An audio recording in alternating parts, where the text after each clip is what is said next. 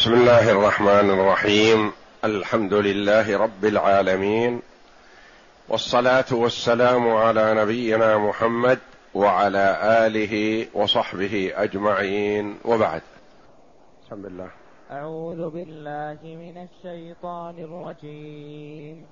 بسم الله الرحمن الرحيم. ألم تر كيف فعل ربك بعاد؟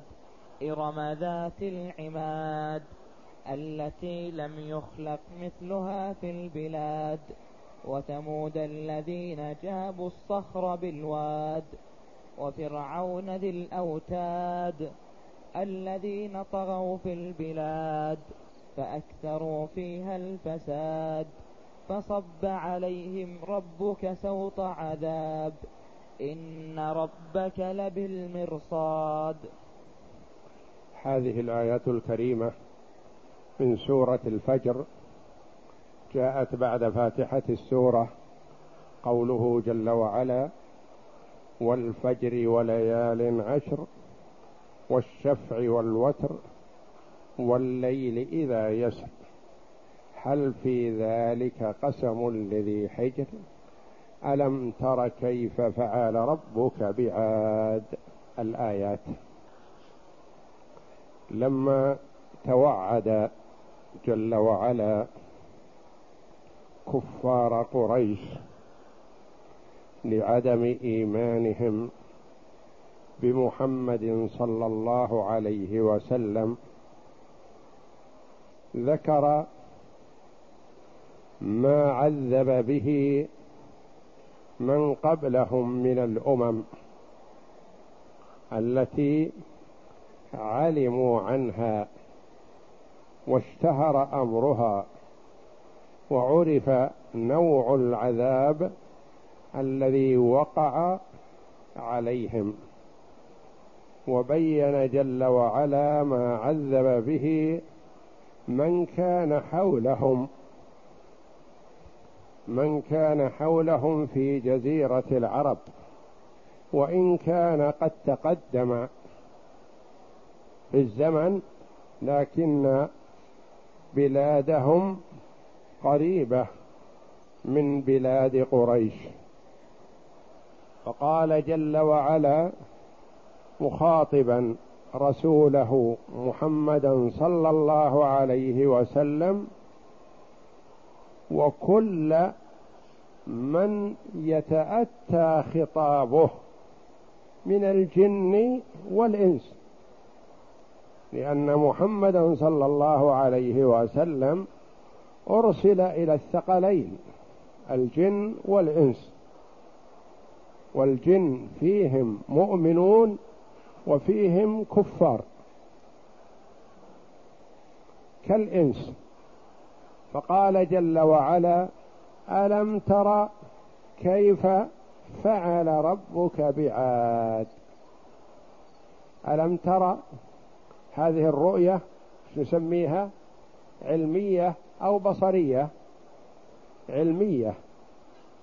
لأن الرسول عليه الصلاة والسلام ما رأى بعيني رأسه ما حل بتلك الأمم وإنما علم علم اليقين.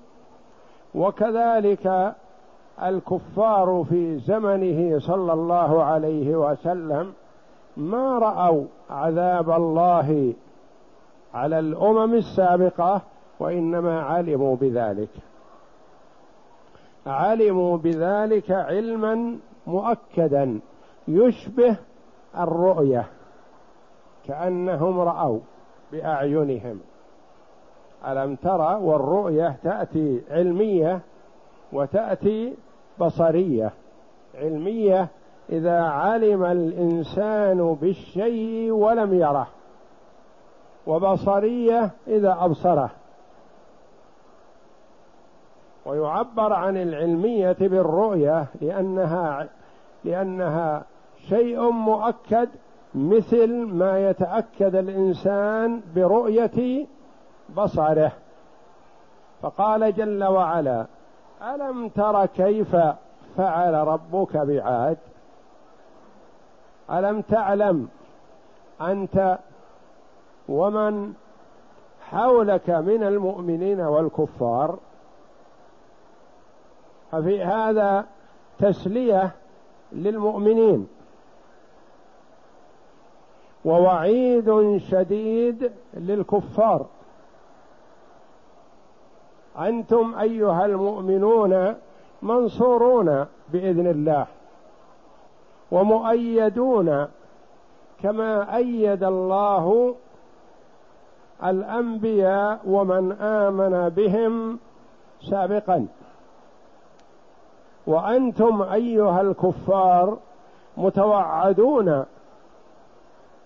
منذرون بالعذاب فسيحل بكم إن لم تؤمنوا كما حل بالأمم السابقة.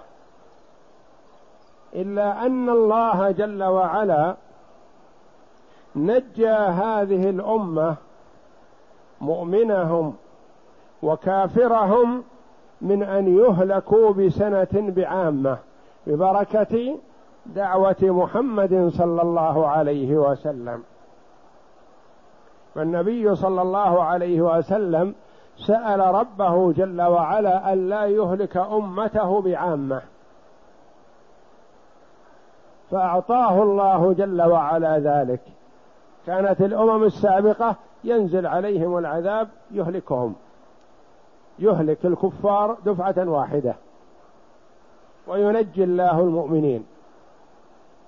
هذه الأمة ببركة دعوة محمد صلى الله عليه وسلم نجاها الله جل وعلا من العذاب. وما أهلكهم ما أهلك كفار قريش دفعة واحدة. وإنما أيد الله جل وعلا رسوله صلى الله عليه وسلم بأن نصره في غزوة بدر وما تلاها من الغزوات حتى فتح الله جل وعلا له مكة في السنة الثامنة من الهجرة في شهر رمضان. ألم تر كيف فعل ربك بعاد؟ عاد أمة من الأمم القديمة. فهم عاد أبوهم عاد ابن عوص ابن إرم ابن سام ابن نوح. فنوح عليه الصلاة والسلام هو أبو من وجد بعده لأن الله جل وعلا أهلك الكفار بالغرق ولم يبق بعد هذا ممن تسلسل وبقي إلا ذرية نوح. ولهذا لما عرج بالنبي صلى الله عليه وسلم إلى السماوات والتقى بالانبياء صلوات الله وسلامه عليهم أجمعين. قال له نوح مرحبا بالابن الصالح والنبي الصالح. فهو ابن لنوح عليه السلام. وكذلك قال إبراهيم عليه الصلاة والسلام مرحبا بالنبي الصالح والابن الصالح. فنوح وإبراهيم أبوا الأنبياء من بعدهم. ونوح عليه الصلاة والسلام الأب الثاني للبشر. لأن من وجد وتسلسل كلهم من ذرية نوح. ألم تر كيف فعل ربك بعاد؟ ألم تعلم يا محمد؟ ألم تعلموا أيها المخاطبون؟ ألم تعلموا أيها الكفار ما حل بعاد من العذاب؟ لما عصوا نبيهم هود عليه الصلاة والسلام. إرم ذات العماد. عاد إرم إرم قيل هو جدهم وقيل بلدتهم تسمى إرم عاد إرم ليميزهم عن عاد ثمود. عاد الأولى وعاد الأخرى. عاد الأولى هم قوم هود الذين أرسل عليهم هود عليه الصلاة والسلام. وعاد الأخرى عاد ثمود الذين أرسل إليهم صالح. عليه الصلاة والسلام. وعاد وثمود كانوا في جزيرة العرب حول قريش. عاد عاد في جنوبها في جهة اليمن وثمود في شمال عن مكة وشمال عن المدينة. في معروفة إلى اليوم معروفة مدائن صالح. هي قرى وبلدان ثمود. ألم تر كيف فعل ربك بعاد؟ ما فعل بهم من العقاب والعذاب الشديد والإهلاك العام لأنهم عصوا نبيهم هود صلى الله عليه وسلم. إرم عاد إرم عاد المنسوبة إلى أبيهم إرم أو عاد المنسوبة إلى بلدتهم إرم. وقيل إرم عاد إرم عاد التي أهلكت وفنيت. إرم ذات العماد ذات صاحبة.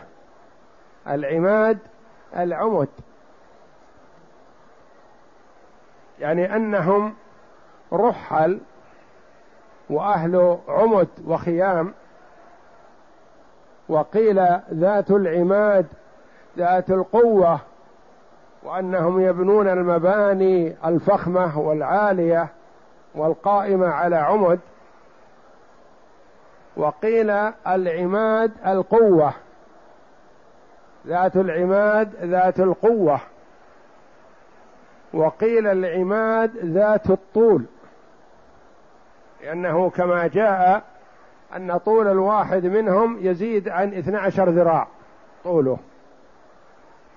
ذات العماد يعني العمد في الخيام أو العماد العمد في المباني الفخمة أو العماد أنهم بالطول كطول العمد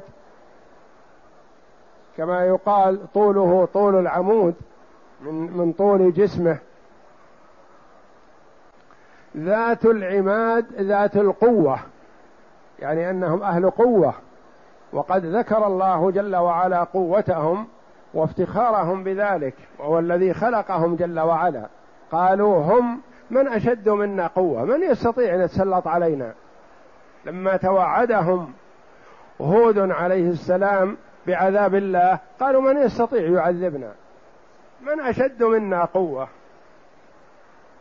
الله جل وعلا الذي خلقهم أشد منهم قوة. انه هو الخالق لهم.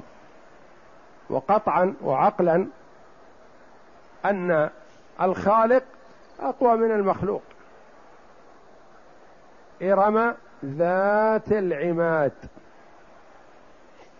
التي لم يخلق مثلها في البلاد في عظمتها وقوتهم. وطول أعمارهم. كانوا أعمارهم طويلة.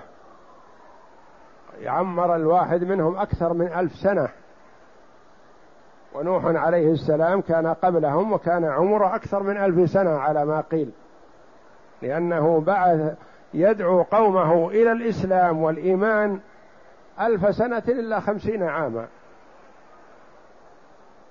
وكم عمره قبل الرسالة؟ قيل ثلاثمائة سنة. وكم عمره بعدما أغرق الله من عصاه ونجاه ومن معه في السفينة قيل إنه مكث بحدود ثلاثمائة سنة بعد هذا.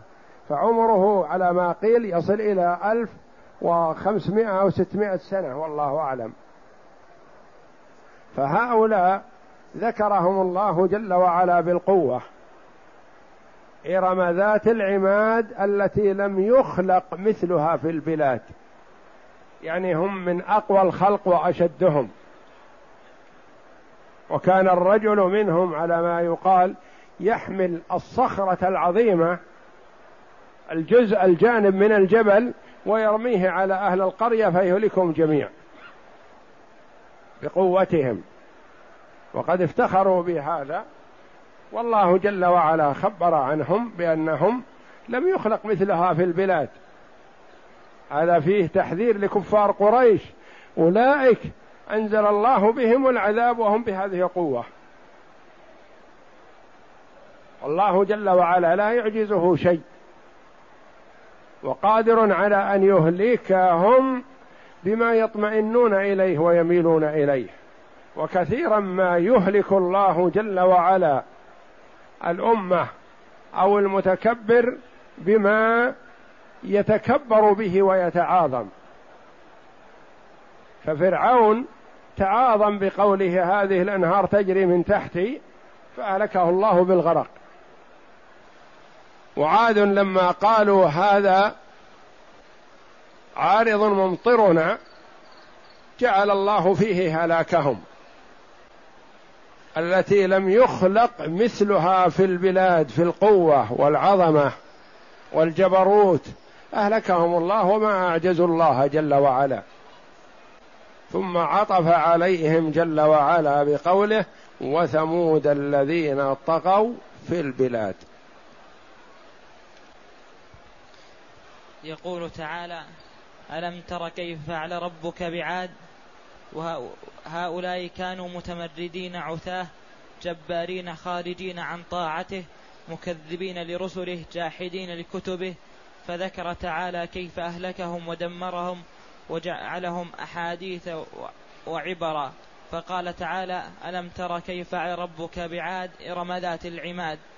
وقوله تعالى إرم ذات العماد لأنهم كانوا يسكنون بيوت الشعر التي ترفع بالأعمدة الشداد وقد كانوا أشد الناس في زمانهم خلقة وأقواهم بطشا ولهذا ذكرهم هود بتلك ذكرهم هود بتلك النعمة وأرشدهم إلى أن يستعملوها في طاعة ربهم الذي خلقهم.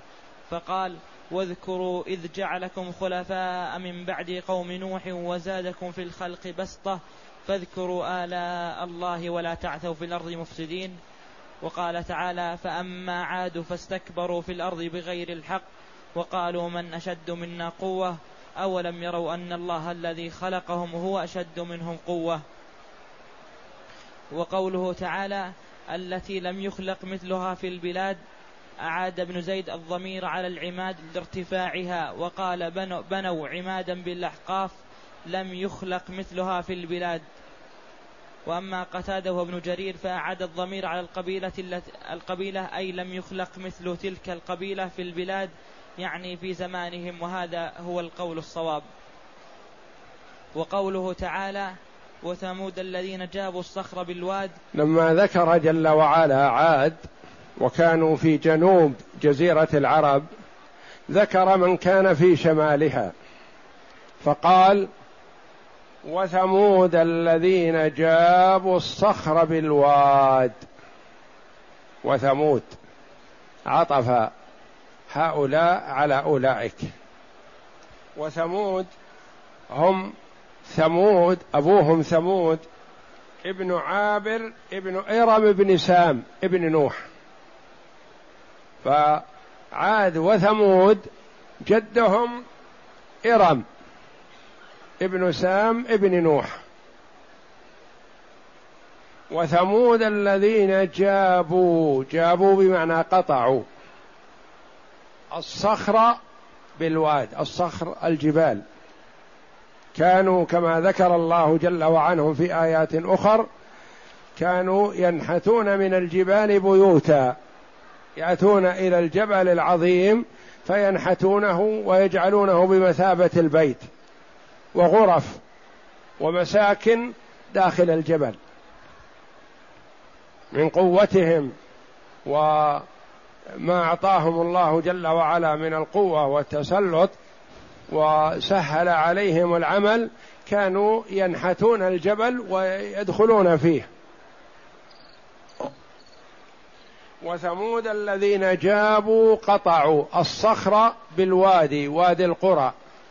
الواد هو الواد التي كانت فيه مساكنهم وهم شمال المدينة وقريب من مكان العلا ودون تبوك. جابوا الصخر بالواد. وفرعون ذي الأوتاد. هاتان القبيلتان عاد وثمود في جزيرة العرب ويمرون على ديارهم. كفار قريش يمرون بها. إذا ذهبوا إلى الشام مروا بقرى قوم قرى ثمود. وإذا ذهبوا إلى اليمن عرفوا قرى ومساكن عاد. وفرعون اشتهر أمره وعرفه الناس وعرفته قريش من أهل الكتاب من اليهود. واليهود جيرانهم في المدينة. وفرعون ذي الأوتاد ذي بمعنى صاحب. الأوتاد. الأوتاد فسرت بالجنود العظيمة لأن عنده جنود ومشكلون. عنده جنود سحرة وعنده كهنة كهان وعنده آه، من جميع أصناف الناس يخدمونه وحوله. وهم بمثابة المثبتين للملك. لأنه كلما كثر الجنود قوي ملك الملك. وفرعون ذي الأوتاد ذي الجنود الكثيرة الذين تقوى بهم. وفرعون ذي الأوتاد أو الأوتاد المراد بها الأوتاد التي يضعها لتعذيب من أراد تعذيبه. كان يأمر بأربعة أوتاد فتربط كل جارحة من اليدين والرجلين بعمود ثم يعذب من أراد تعذيبه. وقد جاء أنه عذب امرأته رضي الله عنها لما آمنت بموسى وضع لها أربعة أوتاد وربط كل يد ورجل في عمود وتد ووضع عليها صخرة عظيمة حتى ماتت. وجاء أن الله سلب انتزع روحها قبل هذا التعذيب فلم تشعر بالتعذيب. وسألت ربها الجوار عنده سألت الجوار قبل الدار رب ابن لي عندك بيتا في الجنة ونجني من فرعون وعمله ونجني من القوم الظالمين. فاستجاب الله لها وجاء أن الله جل وعلا جعلها زوجة لمحمد صلى الله عليه وسلم في الجنة. وفرعون ذي الأوتاد يعني صاحب الأوتاد سواء كان المراد بهم الجنود أو المراد بها الأوتاد التي يعذب بها الناس. وفرعون ذي الأوتاد الذين طغوا في البلاد. فأولئك طغوا وتجبروا في البلاد مثل طغيان كفار قريش على محمد صلى الله عليه وسلم. وأولئك أقوى من كفار قريش الذين طغوا. والطغيان مجاوزة الحد. إنا لما طغى الماء حملناكم في الجارية. طغى بمعنى زاد والطاغية المتعاظم المتكبر المرتفع على من دونه. الذين طغوا في البلاد الذين الاسم الموصول يصح أن يكون صفة لعاد وثمود وفرعون. ويصح أن يكون خبر لمبتدأ محذوف تقديره هم الذين طغوا في البلاد. ويصح أن يكون في محل نصب على التعظيم أعني الذين طغوا في العبا في البلاد.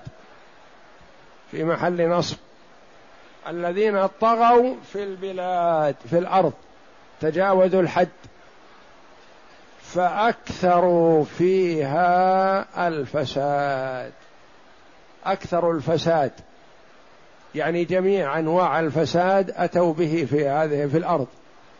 والله خلق الأرض ليعبد عليها. فهم حاربوا الله عليها وحادوا الله وحادوا رسله. فأكثروا في الأرض الفساد.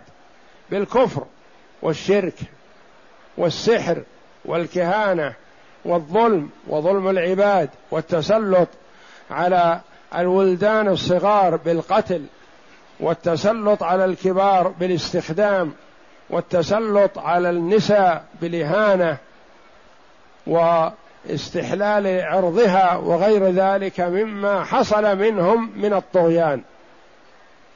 والله جل وعلا يطلع ويعلم ويرى طغيان الطاغي فيمهله ولا يهمله سبحانه وتعالى. والله جل وعلا مطلع ويمهل الظالم فإذا أخذه لم يفلته. يمهل سبحانه وتعالى ولا يستعجل لأن الخلق في قبضته. وبين يديه. فابن آدم إذا أراد أن ينتقم يستعجل لما؟ لأنه يخاف الفوات. إما أن يشرد أو يحال بينه وبينه لسبب من الأسباب فهو يستعجل. أما الله جل وعلا فهو يمهل ولا يهمل والخلق كلهم في قبضته سبحانه وتعالى وبين يديه. وما يستطيع أحد أن يفلت من الله جل وعلا.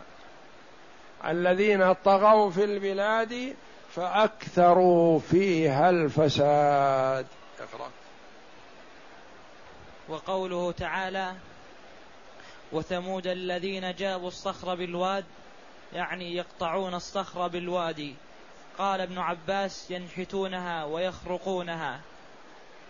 وقوله والنبي صلى الله عليه وسلم مر بديار صالح وأمر من معه في طريقه وهو في توجهه إلى آه، تبوك وما حولها آه، كان عليه الصلاة والسلام الطريق عليها. فأمر من مر بها أن يكون باكيا لئلا يناله شيء من عذابهم. وهكذا ينبغي للمرء إذا مر بديار الظلمة أن يبكي فإن لم يستطع فليتباكى وليسرع ولا يتأنى فيها ولا يجلس ولا يستريح فيها.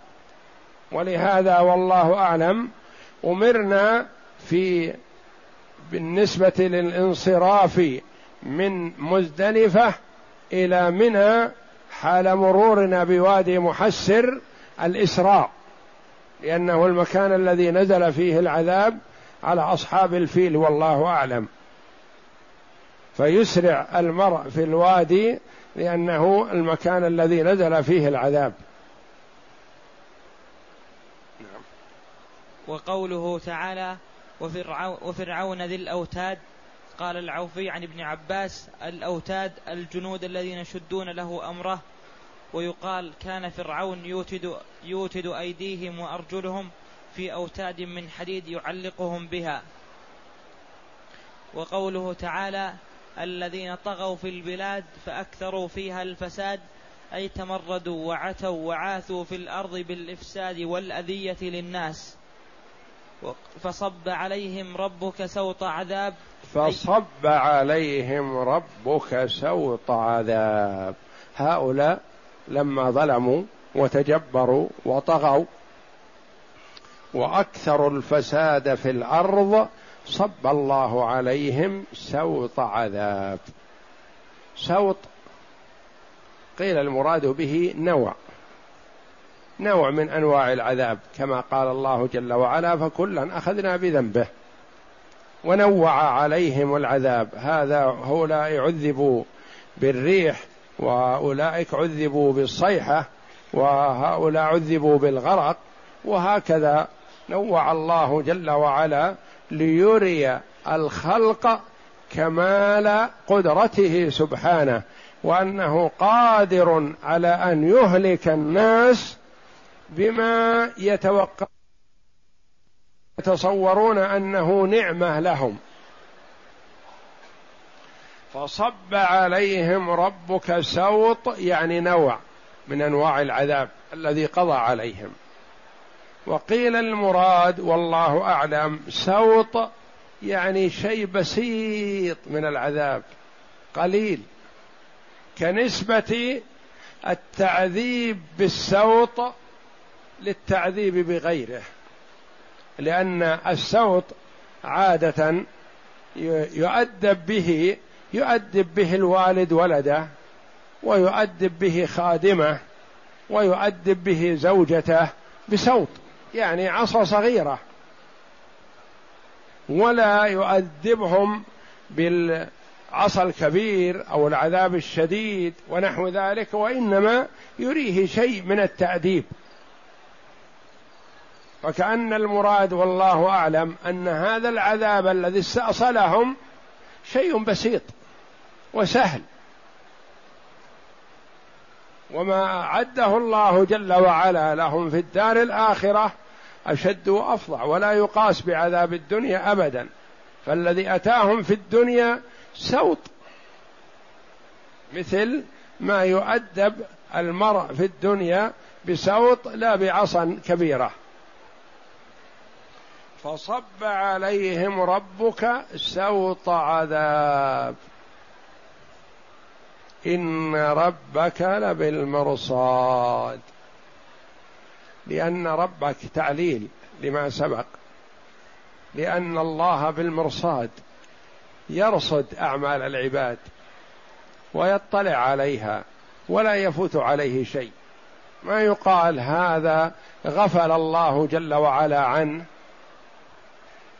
ما اطلع عليه أو عمله العباد وما اطلع عليه ربنا تعالى وتقدس فهو جل وعلا مطلع على أعمالهم ويرصد أعمالهم وحركاتهم وسكناتهم يعلم خائنة الأعين وما تخفي الصدور. ويقول الله جل وعلا لموسى وهارون عليهم الصلاة والسلام إنني معكما أسمع وأرى. صفتان. أسمع ما يقال لأن المرء قد يرى بعينه لكن ما يسمع الكلام. وقد يسمع لكن يكون فيه ساتر حاجب ما يرى. فأخبر الله جل وعلا موسى وهارون بأن لما خاف أن يطغى عليهم فرعون قال جل وعلا إنني معكما أسمع وأرى. وقال جل وعلا لمحمد صلى الله عليه وسلم قد سمع الله قول التي تجادلك في زوجها وتشتكي إلى الله. تقول عائشة رضي الله عنها سبحان من سمع من وسع سمعه الأصوات كنت معهم ويخفى علي بعض كلام خولة. الشاكية هذه. يخفى علي بعض كلامها والله جل وعلا من فوق سبع سماوات يسمع ما تقوله. إن ربك لبالمرصاد فيه وعيد وتهديد شديد للكفار وفيه بشارة وإيناس للمؤمنين. إن ربكم يعلم ما يقال لكم وما ينالكم من عذاب الكفار ومن أذاهم. ويرصد ذلك جل وعلا فلا تيأسوا سينتقم لكم. ووعيد وتهديد للكفار بأن الله جل وعلا مطلع على أعمالكم وسيجازيكم بها. إن جهنم كانت مرصادا ترصد في الطريق لهم ما يفلتون منها. إن إن ربك لبالمرصاد فهو يرصد أعمال العباد ولا أحد يستطيع. يفلت يمين أو شمال يتخلص من قبضة الله جل وعلا. نعم. وقوله تعالى فصب عليهم ربك سوط عذاب أي أنزل عليهم رجز رجزا من السماء وأحل بهم عقوبة لا يرد لا يرد لا يردها عن القوم المجرمين. وقوله تعالى إن ربك لبالمرصاد. قال ابن عباس يسمع ويرى. هذه تعليل لما قبلها يعني علل جل وعلا وعيده السابق بأنه بالمرصاد. مطلع على أعمال العباد ولا أحد يستطيع أن يفلت من يده سبحانه. يعني يرصد خلقه فيما يعملون ويجازي كلا بسعيه في الدنيا والأخرى وسيعرض الخلائق كلهم عليه فيحكم فيهم بعدله ويقابل كلا بما يستحقه وهو المنزه عن الظلم والجور. والله أعلم وصلى الله وسلم وبارك على عبده ورسول نبينا محمد وعلى آله وصحبه أجمعين.